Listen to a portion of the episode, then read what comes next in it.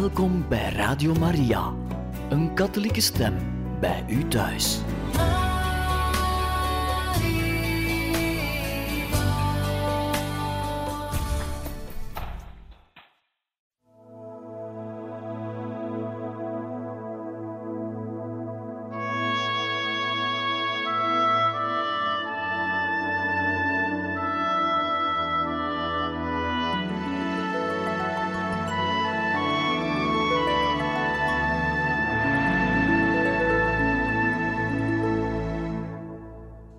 Beste luisteraars van Radio Maria, hartelijk welkom in dit programma Heilige Getuigen, waar wij verder gaan met de lezing uit de biografie van Edith Stein, zuster Theresia Benedicta van het Kruis, geschreven door de pater Carmeliet Anders Arborelius.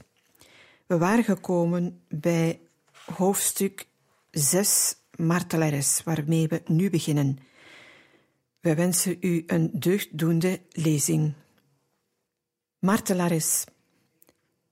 Terwijl Hitler zijn druk op de Joden nog versterkt en met geweld zijn machtsgebied steeds verder uitbreidt, leeft zuster Benedicta geborgen in het veilige echt. Ook bijna al haar familieleden hebben Duitsland verlaten en wonen nu in de Verenigde Staten, Colombia, Noorwegen. Haar zus Rosa wilde zich in België bij een nieuwe kloosterstichting gaan aansluiten. Maar ze moest al gauw constateren dat ze bedrogen werd. De dame die zich voor stichteres uitgaf, toonde meer belangstelling voor de meubels die Rosa uit het ouderlijk huis had kunnen mee over de grens brengen, dan voor de verlegen kloosterkandidaten zelf. Deze werd zo slecht behandeld dat ze tenslotte de moed vond om haar priorin vaarwel te zeggen en met achterlating van al haar meubels naar Echt te reizen, waar ze wilde intreden.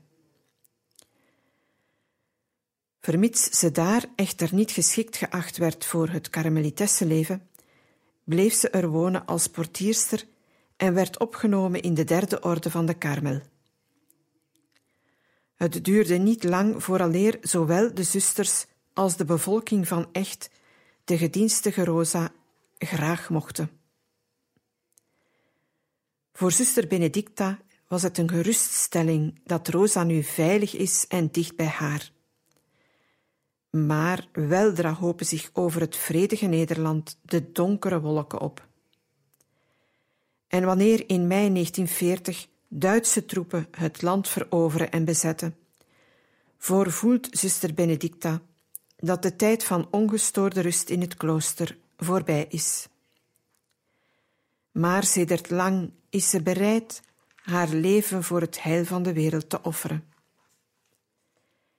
Reeds in 1930 schreef ze in een brief over wat ze haar eigen holocaustum of brandoffer noemt. Met een beeld aansluitend bij de oud-testamentische offers in de tempel van Jeruzalem, die het kruisoffer van Jezus aankondigen, drukt ze aanschouwelijk de volmaakte gave van zichzelf uit. Zoals een offer dat op het altaar door vuur wordt verteerd, voor het aanschijn van God, wil ze haar leven in de dienst van God stellen en door zijn liefde verteerd worden. Zonder de minste gedachte aan zichzelf wil ze haar leven offeren, opdat de wereld het ware leven, Gods eigen leven, deelachtig mag worden. In dezelfde brief schrijft ze verder: Er is iets anders dat belangrijk is. Een uitverkoren werktuig te zijn en in genade te zijn. We hebben niet te oordelen en mogen op Gods ondoorgrondelijke barmhartigheid vertrouwen. Maar de ernst van de laatste dingen mogen we niet verdoezelen. Na iedere ontmoeting waarin ik de onmacht van directe beïnvloeding ervaar, word ik me ook de dringende haast van het eigen holocaustum scherper bewust en het spitst zich steeds meer toe op een hic rodus, hic salta, wat betekent hier is rodus, spring hier, uit een fabel van Aesopus. Mochten we meer en meer leren, iedere dag en ieder uur met de eeuwigheid te verbinden. Vanuit het eeuwigheidsperspectief ziet zuster Benedicta haar roeping om een brandoffer te zijn. Iemand die helemaal aan zichzelf is gestorven en zich als slachtoffer voor de redding van de evenmens aan God opdraagt. In de loop van de tien jaren die op deze brief volgen, groeit bij Edith de overtuiging dat zij op een of andere wijze geroepen is een holocaustum te worden. Het is een gedachte die haar niet alleen in haar filosofische studie bezighoudt, zelfshingabe, maar die ze ook door haar offerbereidheid in het leven van alle dag probeert waar te maken. In echt weten de zusters dat zij vroeg in de morgen, nog voor het zijn om op te staan is gegeven, in haar open celvenster staat te bidden, de armen in kruisvorm uitgestrekt. Ze zoekt bewust aan het kruisoffer van Christus deel te nemen, maar wat dit in de toekomst voor haar zal meebrengen, dat weet ze nog niet. Kruisdraagster. In 1940 krijgt de Karmel van Echt een nieuwe priorin, moeder Antonia, die meer de verstandelijke begaafdheid van zuster Benedicta ten nutte wil maken. Deze wordt nu grotendeels vrijgesteld van huishoudelijk werk, waar ze toch nooit goed overweg mee kon, en mag Latijnse les geven aan de novice. In een brief geeft ze te verstaan dat ze zich graag met intellectueel werk bezighoudt. Het is goed dat u mij vragen stelt. Ik denk alleen als ik voor een opgave sta. Anders staat mijn verstand stil maar ik ben blij als het op gang gebracht wordt en nog voor iemand nuttig kan zijn.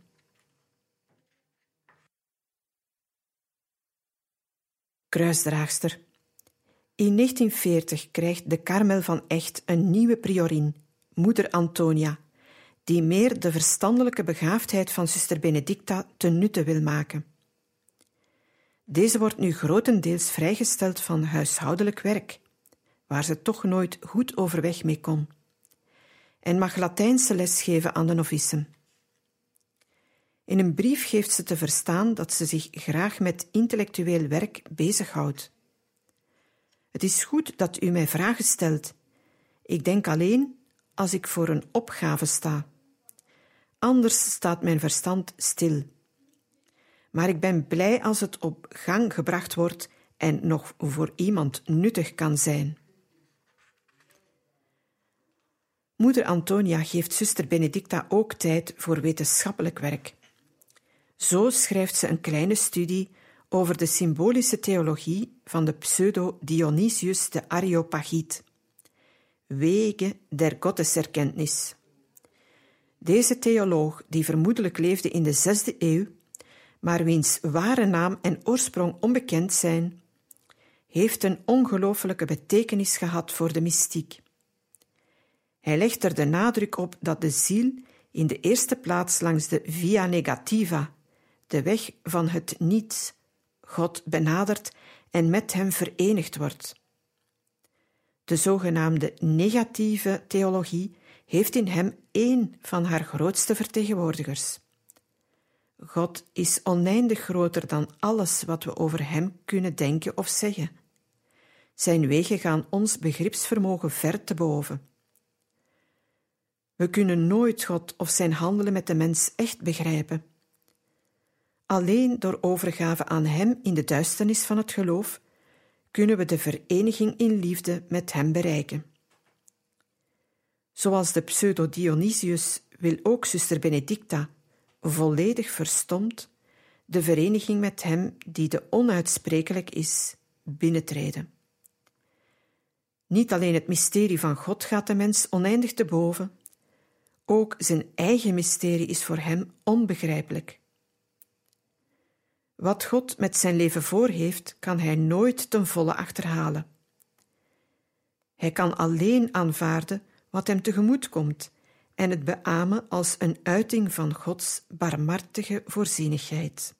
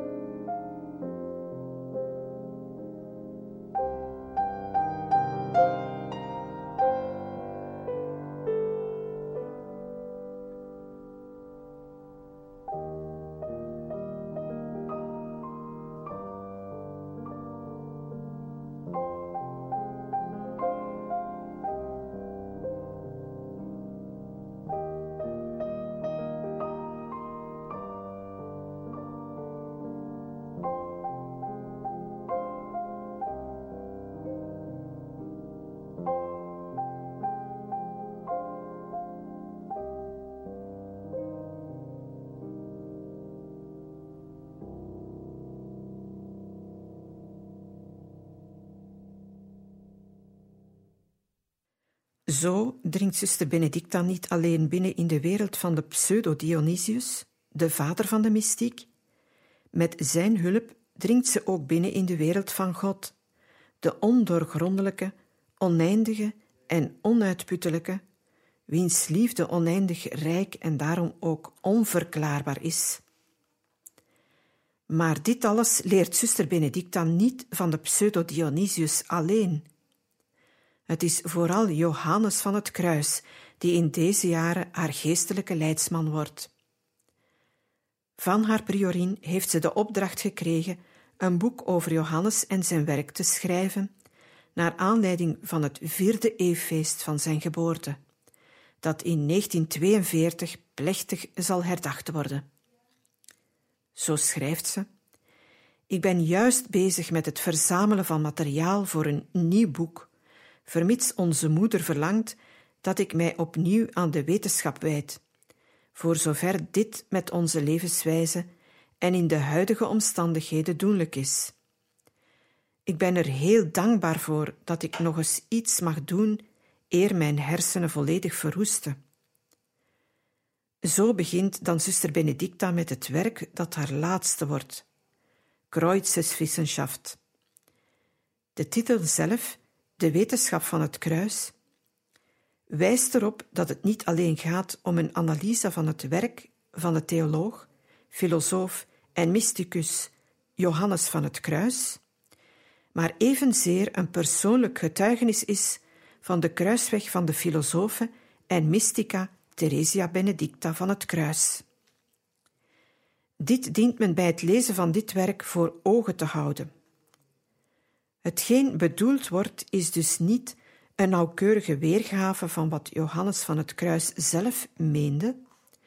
Het is eerder een eigen studie van zuster Benedicta, geschreven als een persoonlijk getuigenis op het moeilijkste tijdstip van haar leven, en het zal ook in haar eigen leven zijn voltooiing krijgen.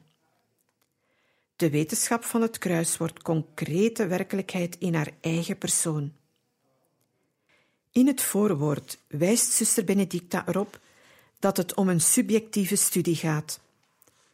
In deze pogingen tot verklaring wordt tot uitdrukking gebracht hetgeen de schrijfster na een levenslange inspanning meent begrepen te hebben over de wetten van het wezen en het leven van de geest.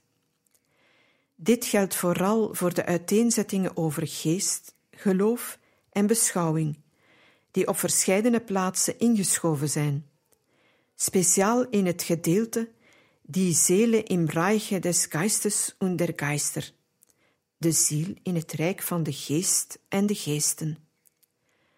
Wat daar gezegd wordt over het ik, over vrijheid en persoon, komt niet uit de geschriften van onze heilige vader Johannes. Wel kunnen we er bij hem zekere aanzetten daarvoor aanduiden. Maar uiteenzettingen daarover lagen ver buiten zijn hoofdbedoeling en ook zijn denkwijze. De uitwerking van een filosofie van de persoon, zoals die op de genoemde plaatsen aangeduid wordt, is immers iets dat alleen maar de hedendaagse filosofie zich tot taak heeft gesteld. Het is vanuit haar fenomenologische achtergrond dat zuster Benedicta de wereld van Johannes van het Kruis beschouwt. Dit heeft tot gevolg dat wat ze in Kreuzes Wissenschaft schrijft, dikwijls meer haar eigen gedachten dan die van Johannes weerspiegelt. Maar het is niet alleen het filosofisch perspectief dat bij zuster Benedicta anders is dan bij Johannes. Ook theologisch onderscheiden zij zich wat de betekenis betreft die ze aan het kruis toekennen. Johannes beschouwt als het ware meer de gevolgen van het kruis voor de afzonderlijke mens, namelijk het louteringsproces dat iedereen moet doormaken vooraleer ten volle in liefde met God verenigd te worden. Het is dit proces dat hij zo meesterlijk beschrijft in de donkere nacht. Zuster Benedicta daarentegen houdt meer de blik rechtstreeks gericht op het kruis van Christus en de heilsbetekenis ervan voor heel de kerkelijke gemeenschap. Zij is immers gevormd door de theologie van haar tijd, die meer het mysterie van Christus en van de kerk op collectief vlak in het centrum plaatst, dan wel de inwerking van dit mysterie op de enkeling. Maar dit verschillend standpunt brengt geenszins een scherp onderscheid tussen Johannes en Benedicta mee. Beide zijn ze kinderen van hun tijd, maar tevens ook kinderen van God en van de kerk, en staan al dus boven de aan de tijd gebonden opvattingen. De theologische accenten kunnen anders liggen, maar de centrale geloofsinhoud blijft altijd dezelfde.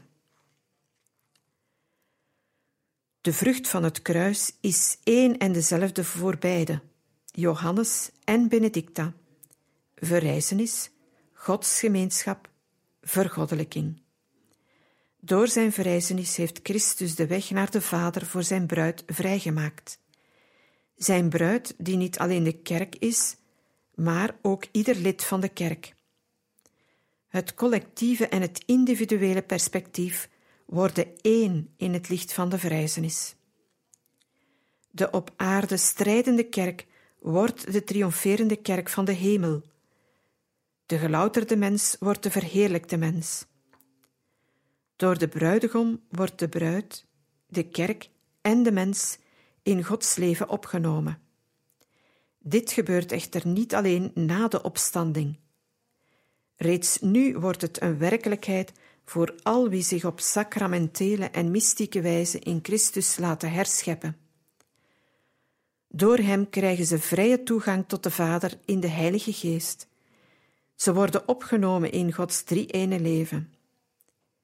Hierover zijn Johannes van het Kruis en Benedicta van het Kruis het helemaal eens. Vervolgd.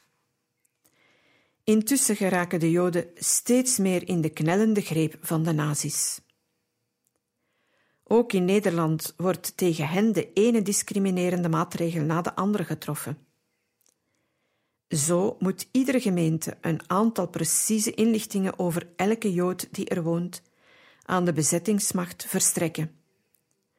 Een maatregel die de ambtenaren nauwkeurig uitvoeren, zonder te beseffen dat ze daarmee feitelijk doodvonnissen ondertekenen. Op 9 juli 1940 brengt bisschop Lemmens van Roermond een bezoek aan de Karmel van Echt. Zijn woorden tot de communiteit vallen kennelijk in de smaak van zuster Benedicta, zoals uit een brief van haar blijkt. Vader Bisschop begroette ieder van ons hartelijk en spoorde ons aan niet bang te zijn en groot vertrouwen te hebben, goed te slapen en meer dan anders met elkaar te praten, omdat dit in zo'n tijd goed deed. Maar vooral wekte hij ons natuurlijk op tot onvermoeibaar gebed en offer en tot trouw aan onze roeping, daar we nu in de voorste linie moesten strijden. Dat acht man urenlang bij hem huiszoeking hebben gehouden, dat weet u wel. Hij heeft ze goed onder handen genomen. Men moet die arme kerels toch eens flink de waarheid zeggen. Eerst is vanuit het oosten het bolsjevisme gekomen met de strijd tegen God, dan het nationaal-socialisme met de strijd tegen de kerk. Maar geen van beide zal overwinnen. Overwinnen zal tenslotte Christus. Het was tijd voor allen om de knieën te buigen. Eerst zal er nog een onverbiddelijke strijd tussen de wereldbeschouwingen komen. Wij hebben niets tegen de mensen, maar wat de zaak zelf betreft moeten we vasthouden en mogen we niets prijsgeven. Zo heeft vader Bisschop tot die mensen gesproken, en zo moeten ook wij spreken, indien ze bij ons zouden komen. Hoe onverschrokken zuster Benedicta zelf is, getuigt een feitje van begin oktober 1941. Ze moest zich met Rosa gaan melden bij de Duitse instanties in Maastricht. Bij het binnenkomen deed ze er alle verbouwereerd opkijken door haar groet. Gelooft zij Jezus Christus. Ze had zich daar innerlijk toe gedrongen gevoeld, vertelde ze aan haar priorin, omdat ze inzag dat het hier niet om politiek ging, maar om de eeuwenoude strijd tussen Jezus en Lucifer. Zuster Benedicta leidt mee met haar volk in nood. Dikwijls spreekt ze over de situatie met Rosa in de spreekkamer. Door hun toebehoren aan Christus en de kerk voelen beiden zich nog des te meer met hun volksgenoten verbonden. En dan zijn er nog de eigen, in Duitsland achtergebleven familieleden. In een brief van 1 november 1941 schrijft zuster Benedicta: Ook mijn familie heeft dringend gebed nodig. Mijn zus Frida, die in Breslau gebleven was, is naar het platteland verplant en met elf andere dames in een zolderkamer ondergebracht, met de verplichting acht uur arbeidsdienst te verrichten. Mijn oudste broer Paul en zijn vrouw leven in de verwachting van een gelijkaardige dwangmaatregel. Alle pogingen van de familie in Amerika om ze daarheen te krijgen, is tot dusver verkeefs geweest. Ze vermelden die feiten zonder te klagen.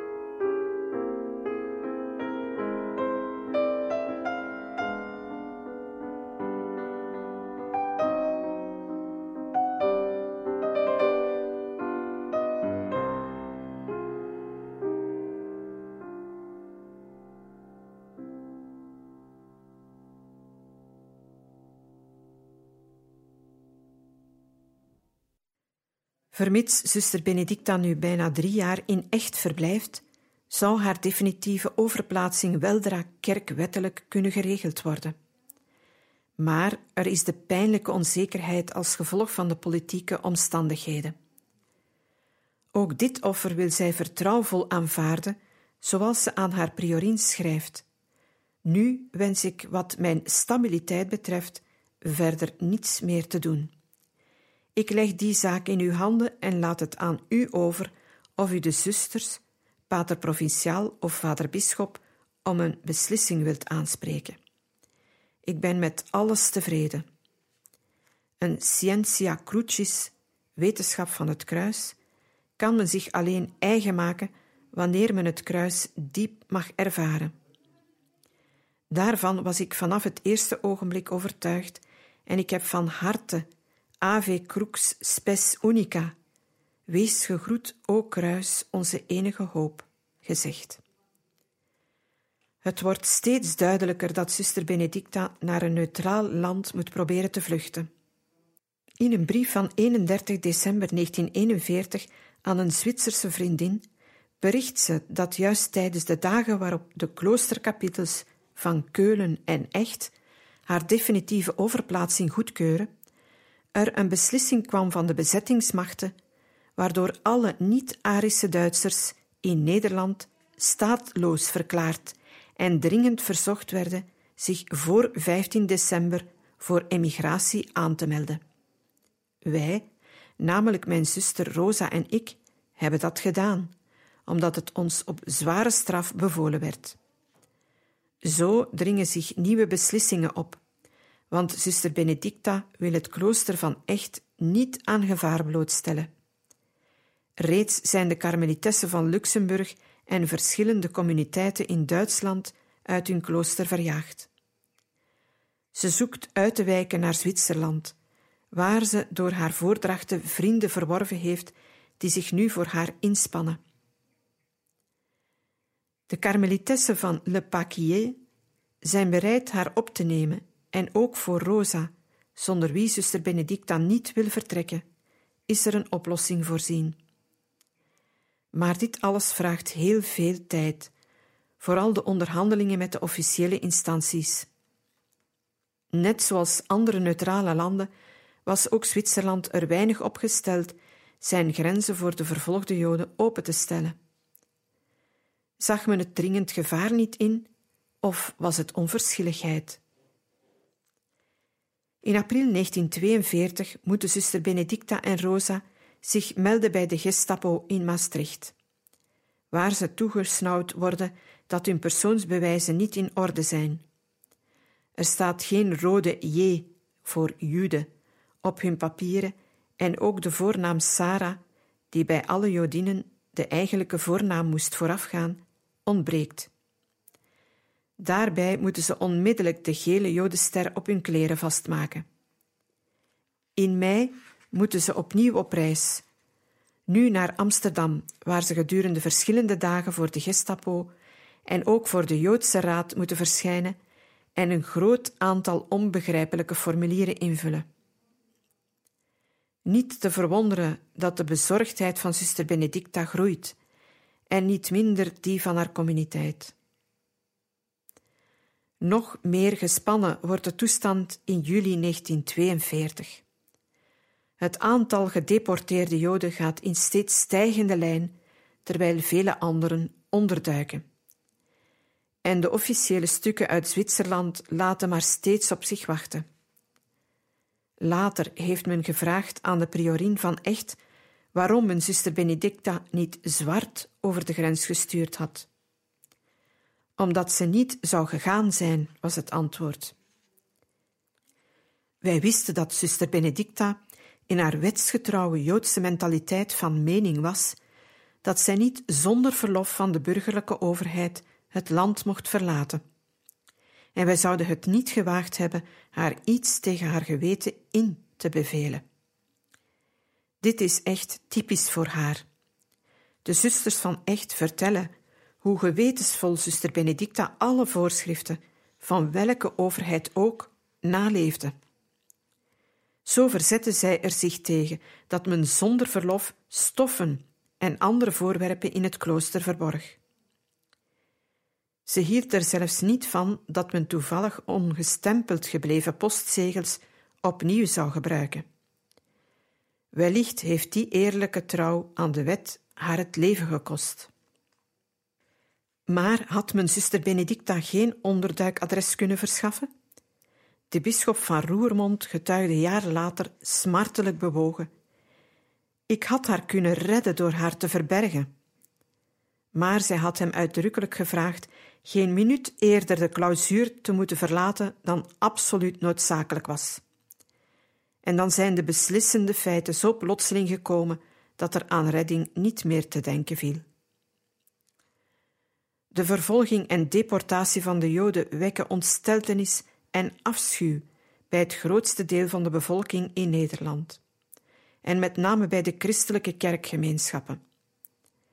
Reeds op 12 februari had het interkerkelijk overleg in een audiëntie bij Rijkscommissaris Seys en Kaar geprotesteerd tegen de deportatie van de Joden, met een schrikbarend aantal sterfgevallen tot gevolg, en tegen het opdringen van de nationaal-socialistische wereldbeschouwing. Maar zonder resultaat. Op 10 juli, de dag waarop men te weten komt dat een massadeportatie van Joden onmiddellijk op handen is, vergadert het interkerkelijk overleg opnieuw en richt in een telegram tot de Duitse bezetters het dringend verzoek van die plannen af te zien. De hieronder vermelde Nederlandse kerken, reeds diep geschokt door de maatregelen tegen de Joden in Nederland, waardoor zij uitgesloten worden van het deelnemen aan het normale volksleven, hebben met ontzetting kennis genomen van de nieuwe maatregelen, waardoor mannen, vrouwen, kinderen en gehele gezinnen worden weggevoerd naar het Duitse rijksgebied en onderhorigheden.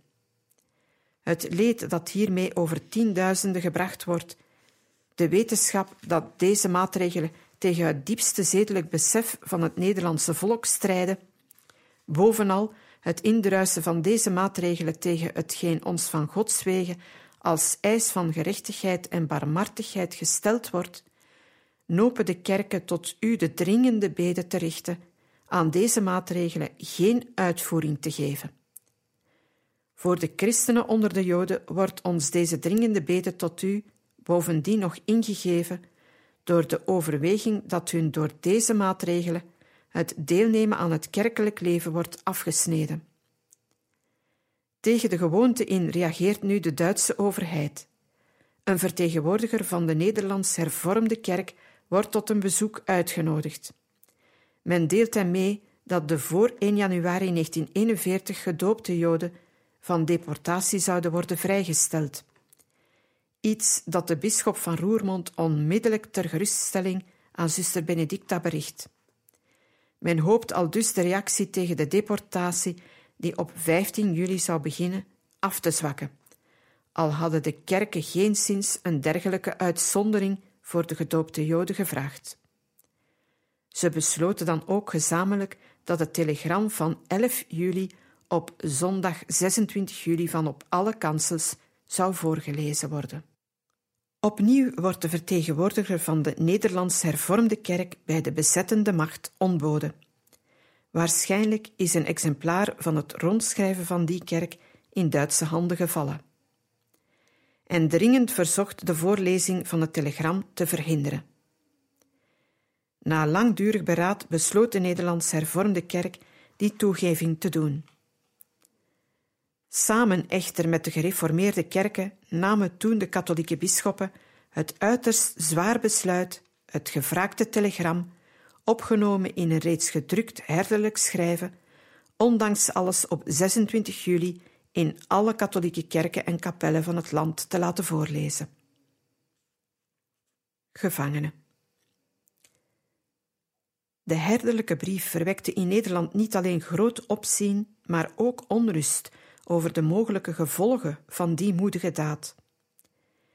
Twee dagen later verneemt zuster Benedicta dat haar broer Paul en haar zus Frida samen met hun families naar het concentratiekamp van Theresienstadt weggevoerd werden.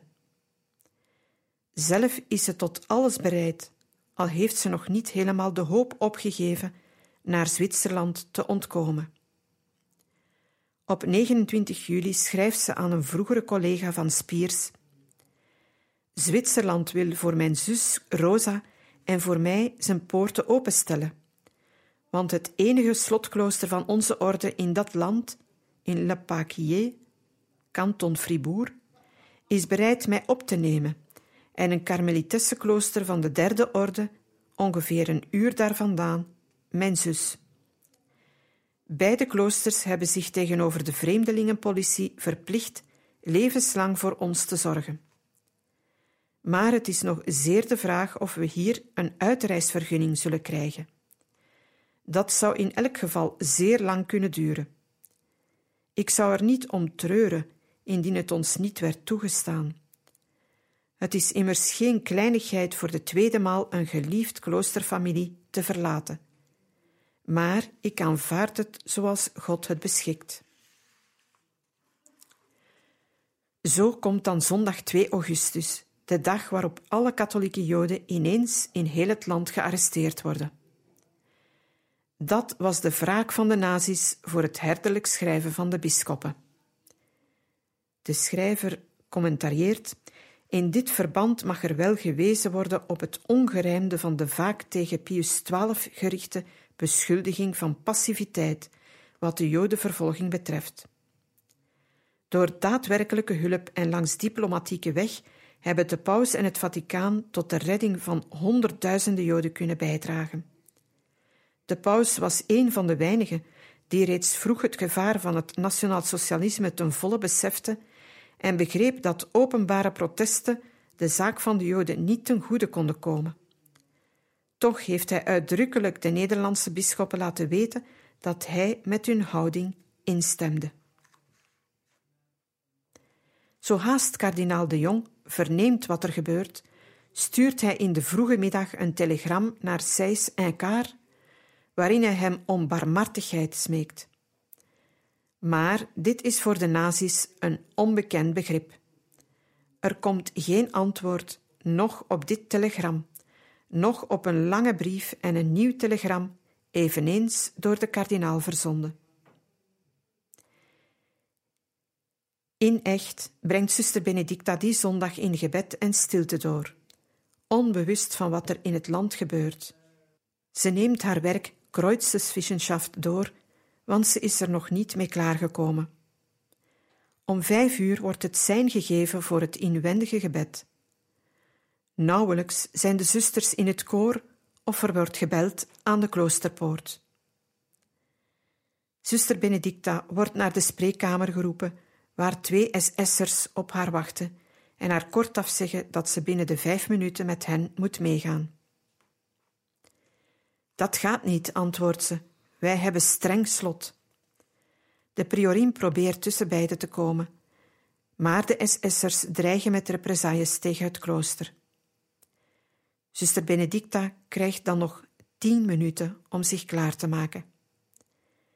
Ze haast zich naar het koor, knielt even voor het tabernakel en vraagt bij het buitengaande zusters voor haar te bidden. Intussen verklaart de priorin dat Edith en Rosa Stein wachten op een inreisvergunning naar Zwitserland. Maar het helpt niets, wat ze ook zegt. Het antwoord is: Zuster Stein moet weg uit het klooster. Vlug vraagt zuster Benedicta nog haar priorin zich onmiddellijk tot de Zwitserse consul in Den Haag te wenden voor de inreisvergunning. Amper heeft ze nog de gelegenheid om wat te eten, terwijl de zusters in de weer zijn om voor alles te zorgen. Dan gaat ze met de priorin naar de slotdeur waar Rosa, erg onder de indruk, op hen wacht en geknield de afscheidszegen van de priorin ontvangt. Buiten staat intussen de straat vol met luid protesterende mensen, want de Karmel en speciaal Rosa zijn zeer geliefd. Ten slotte neemt zuster Benedicta haar zus, die geen woord kan uitbrengen, bij de hand en zegt: Kom, we gaan voor ons volk. Bewust van haar speciale roeping voor haar volksgenoten, begint ze haar lijdensweg als een van de miljoenen slachtoffers van de haat der nazi's. Samen met Rosa stijgt ze in de overvalwagen, waarin zich reeds drie andere, eveneens katholieke Joden, uit echt bevinden. In razende vaart gaat het nu naar Roermond en vandaar naar het kamp van Amersfoort, dat eerst lang na middernacht bereikt wordt. Tijdens de reis worden de gevangenen nogal vriendelijk en voorkomend behandeld. Maar in het kamp is het optreden van de bewakers hard en brutaal. Op een nacht met weinig of geen rust volgt dan een dag van bange onzekerheid. Tijdens de voormiddag worden de evangelisch gedoopte en de gemengd gehuwden weer vrijgelaten. Het blijkt ook dat er onder de gevangenen nogal wat religieuzen zijn, onder andere de drie gebroeders Leub, trappisten en hun twee zusters trappistinen. Zuster Benedicta ontmoet er ook twee vriendinnen uit Duitsland, die ze indertijd geholpen heeft op hun weg naar de kerk, namelijk Alice Reis en Ruth Kantorowicz. De zusters proberen zoveel mogelijk de andere gevangenen behulpzaam te zijn en trekken zich vooral de kinderen aan van moeders die de kracht niet meer kunnen opbrengen zelf voor hen te zorgen. Ze zijn zich nu ook heel goed bewust dat hun arrestatie een wraakneming van de nazi's op de kerk is, dat ze moeten lijden wegens het herderlijk schrijven van hun bisschoppen. Maar geen enkele klacht wordt hierover geuit. Had niet reeds bij haar arrestatie een zuster aan een spottende gestapoman het vierde antwoord gegeven? Wij zijn zeer dankbaar dat onze moedige bisschoppen gesproken hebben, en daarvoor geven wij graag ons leven. Beste luisteraars, wij beëindigen hier voor vandaag deze lezing uit de biografie van Edith Stein, zuster Benedicta Theresia van het Kruis. En we gaan volgende keer met hoofdstuk 6, Martelares, verder bij het onderwerp gevangenen. Wij hopen dat deze lezing u gesticht heeft wensen u nog een gezegende avond toe en tot een volgende keer.